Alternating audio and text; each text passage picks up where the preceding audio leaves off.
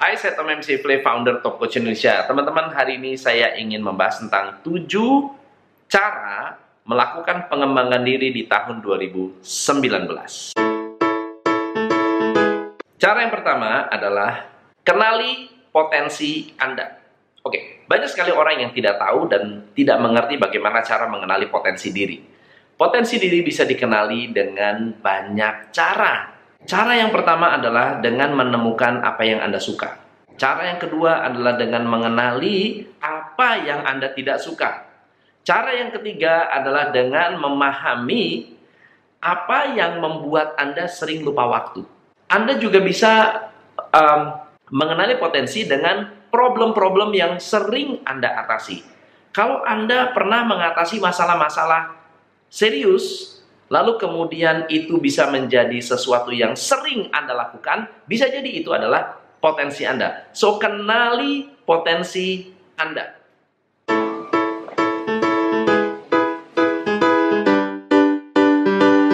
Yang kedua adalah Anda harus bisa merumuskan arah tujuan Anda tahun 2019 ini. Mengapa menentukan arah tujuan penting sekali? Untuk pengembangan diri. Yang pertama, orang-orang yang punya goal pendek, pengembangan dirinya pendek.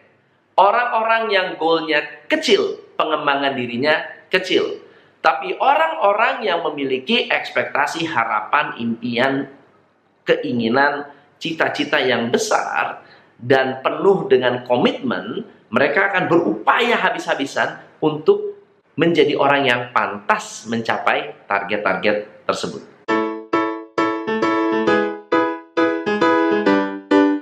Yang ketiga, Anda harus menguatkan niat. 2019 adalah tahun penting untuk kita semua. Bukan hanya satu tahun ini saja, tapi seluruh tahun, sepanjang tahun, sepanjang masa, penting banget untuk meneguhkan niat. Meneguhkan niat artinya apa? Anda sudah siap untuk menerima segala konsekuensi dengan Anda menetapkan tujuan hidup Anda. Banyak orang tidak bisa sukses karena mudah sekali goyah. Dikit-dikit rubah, dikit-dikit rubah pikiran, dikit-dikit bingung, dikit-dikit tidak berani mengambil sebuah keputusan. So, ketika Anda menetapkan tujuan hidup Anda, Anda harus meneguhkan niat dan menerima segala konsekuensi atas segala keputusan Anda. Yang keempat adalah Anda harus menerima banyak kritikan. Nah, jadi banyak sekali di luar sana sekarang orang nggak suka dikritik. Dikritik dikit resign, dikritik sedikit mengundurkan diri, dikritik sedikit marah. So, kritik adalah feedback. Tentunya Anda harus melihat kritik yang relevan. Relevan artinya begini, kalau memang Anda percaya dengan seseorang, Anda minta feedback mereka, Anda tentunya tidak boleh membela diri. Gitu ya. Misalnya Anda ketemu dengan guru, lalu kemudian Anda minta masukan dari guru, lalu guru memberikan masukan yang uh, apa namanya? netral, ya. Anda tidak perlu membela diri. Jadi akhirnya kritik itu atau feedback tersebut menjadi tidak relevan. Tapi tugas Anda adalah bisa menerima kritikan di tahun 2019. Yang kelima, Anda harus siap membuang pikiran negatif. Pikiran negatif artinya begini. Kalau Anda melihat sesuatu, Anda punya dua pilihan. Satu, melihat sisi positif, dua sisi negatif.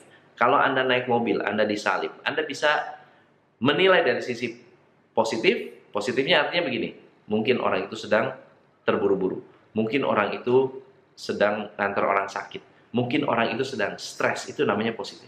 Tapi kalau negatif, kita bilang kurang ajar, harus dibalas, atau kita kejar aja, kita tegur aja. Anda membuang pikiran negatif supaya Anda tetap bisa menjadi orang yang lebih positif. Positif negatif nggak bisa jadi satu. Kalau Anda berpikir positif, pikiran negatif biasanya hilang. Kalau Anda berpikiran negatif, biasanya positifnya hilang. So, jadi pilih untuk berpikir positif. Berpikir positif kepada anak Anda, berpikir positif untuk suami Anda, berpikir positif untuk guru Anda, berpikir positif untuk orang yang Anda kenal teman-teman Anda, sahabat-sahabat Anda, berpikir positif. Itu akan membantu Anda untuk lebih fokus untuk pengembangan diri. Nah, selain Anda membuang pikiran negatif, Anda harus berada di lingkungan yang positif. Wajib memilih teman. Wajib memilih teman yang bisa membuat Anda berkembang. Wajib memilih tontonan yang membuat Anda berkembang.